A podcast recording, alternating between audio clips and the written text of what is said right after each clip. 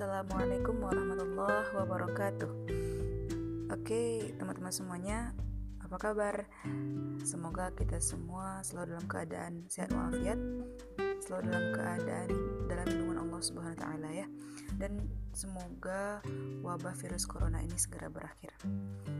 Oke, teman-teman, dalam kesempatan pada siang hari ini, Ica bakalan berbagi cerita, berbagi pengalaman tentang seputar pengalaman hidup di asrama. Kenapa membahas tentang kehidupan di asrama? Karena emang saya tinggal di asrama dan ingin berbagi aja sama teman-teman. Atau ada yang penasaran dan semoga podcast yang kali ini juga bermanfaat ya. Jadi pertama kali Ica menginjakan kaki di asrama itu pada tahun 2015. Tahun 2015 itu waktu pertama kali juga masuk kampus. Nah, dan kebetulan kampus ICA juga mewajibkan setiap mahasiswinya itu harus tinggal di asrama. Terkecuali bagi mahasiswa yang tinggal di sekitar uh, daerah uh, kampus. Nah, itu boleh mereka tidak tinggal di asrama. Nah, jadi sekarang udah tahun 2020. Kalau dihitung-hitung 2015, 16, 17, 18, 16, 20 berarti udah sekitar lebih kurang 6 tahun di asrama ya. Namun kalau asrama atas kebijakan kampus itu sudah 4 tahun ya karena Alhamdulillah akhir Desember kemarin Isa sudah wisuda.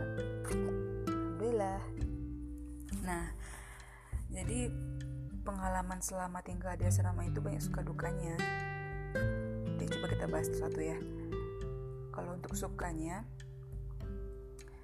sukanya itu salah satunya adalah kita itu sering hidup bareng-bareng. Sering apa-apa itu sama-sama.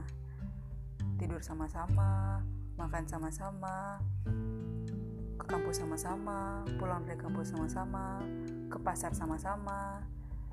Oh di kamar mandi ketemu juga itu orangnya juga 24 jam full non-stop ketemu orang yang sama terus. Kebayang gak sih serunya gimana? Dan heboh juga sih di asrama itu. Nah tapi pasti juga ada dukanya. Salah satu dukanya itu apa ya yang namanya kita hidup bersama-sama orang-orang berbeda karakter berbeda sifat apa ya bisa jadi kita akan merasakan adanya konflik di antara kita. Hmm, karena kita berbedanya pola pikir ya berbeda pola pikir berbeda pendapat. Kemudian salah satu dukanya juga kita sering kehilangan barang. Nah ngerasain gak sih bagi teman-teman yang pernah hidup di asrama kehilangan barang? Atau ada yang sering kehilangan barang pas pengalaman Eca dulu yang sering hilang itu adalah kayak sendal.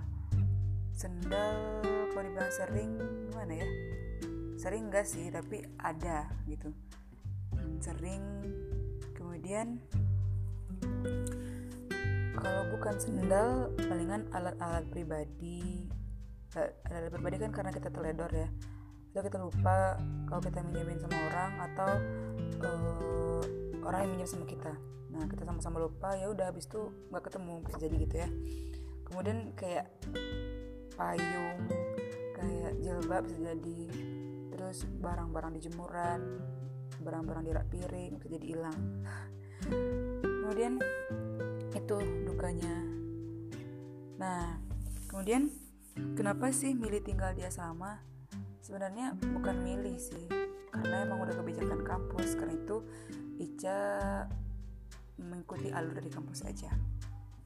Nah, uh, selama enam tahun berjalannya tinggal di asrama ini, Ica sih nggak ngerasa seru-seru aja tinggal di asrama karena uh, apa ya atmosfernya itu loh atmosfer tinggal di asrama itu berbeda dengan tinggal sendiri di rumah percaya nggak sih tinggal di, di asrama itu membuat kita itu semakin giat untuk melakukan sesuatu yang sebenarnya kita malas gitu kalau menurut Ica ini ya contoh misalnya nih ya.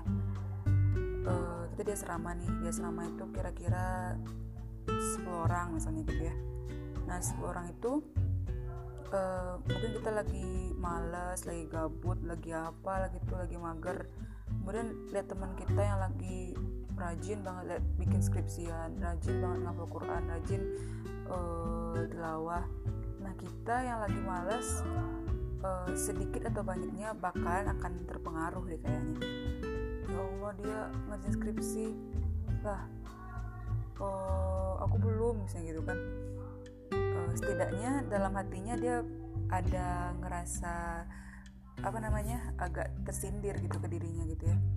Berarti uh, aku juga harus bikin skripsi ini. Berarti aku juga harus bangkit harus uh, semangat tilawahnya harus semangat ngafal gitu ya. Karena kita juga ngeliat orang lain karena kita terpacu dengan tindakan dan perbuatan orang lain. Benar nggak sih? Nah uh, apa? Bagi Ica arti dari di hidup di asrama itu sangat berarti ya. Karena sudah kurang lebih enam tahun tinggal di asrama. Bagi Ica sih arti hidup di asrama itu adalah semangat karena uh, sesuatu yang dikerjakan bersama-sama itu sangat berpengaruh sekali sih. Contohnya, jika kamu ingin memperbaiki diri kamu ke arah yang lebih baik, salah satu aspek pendukungnya adalah lingkungan. Bener gak sih? Lingkungan yang baik akan mempengaruhi diri kamu. Misalnya, kamu ingin fokus menghafal Quran. Nah, pasti kamu uh, harus mencari lingkungan yang bersama orang-orang mencapai tujuan itu. Misalnya kamu harus cari pondok tafis atau komunitas atau kamu ingin bersama orang-orang yang uh, suka berdakwah, suka apa namanya? Uh, suka berdakwah berarti kamu harus mencari komunitas atau tempat atau mungkin kampus yang uh, mempunyai uh, tujuan yang sama gitu. Kalau menurut sih gitu. Nah kalau disuruh milih rumah atau asrama hmm, bisa bakalan pilih asrama walaupun tidak meninggalkan rumah ya. Kenapa asrama? Ya karena itu tadi karena semangatnya bersama-sama itu membuat kita itu jadi lebih jadi lebih bersemangat mengerjakan sesuatu. Kalau di rumah kita sendiri jadi tidak ada uh, kalau istilahnya pancingan membuat kita untuk bersemangat melakukan sesuatu itu. Jadi sesuatu yang dikerjakan bersama-sama itu lebih seru lebih enak gitu lebih apa ya lebih lebih lebih apa sih namanya ya lebih seru deh pokoknya gitu ya. Nah kira-kira segitu aja sih seputar kehidupan di asrama. Mungkin teman-teman yang lain juga merasakan ada suka duka yang selain apa yang saya sebutkan tadi atau ada yang lebih lebih seru gitu jadi ya. Oke teman-teman semoga podcast kali ini bermanfaat. Dan sebelumnya minta maaf ya mohon maaf jika ada kekurangan dalam jujur ya saya masih belajar buat menata uh, apa namanya menata bahasa, menata sistematis dalam cara berbicara, mengolah mengolah kata, menyusun kata gitu. Jadi masih masih belajar. Semoga di next di next podcastnya bisa lebih baik lagi. Oke, segitu dulu. Assalamualaikum warahmatullahi wabarakatuh.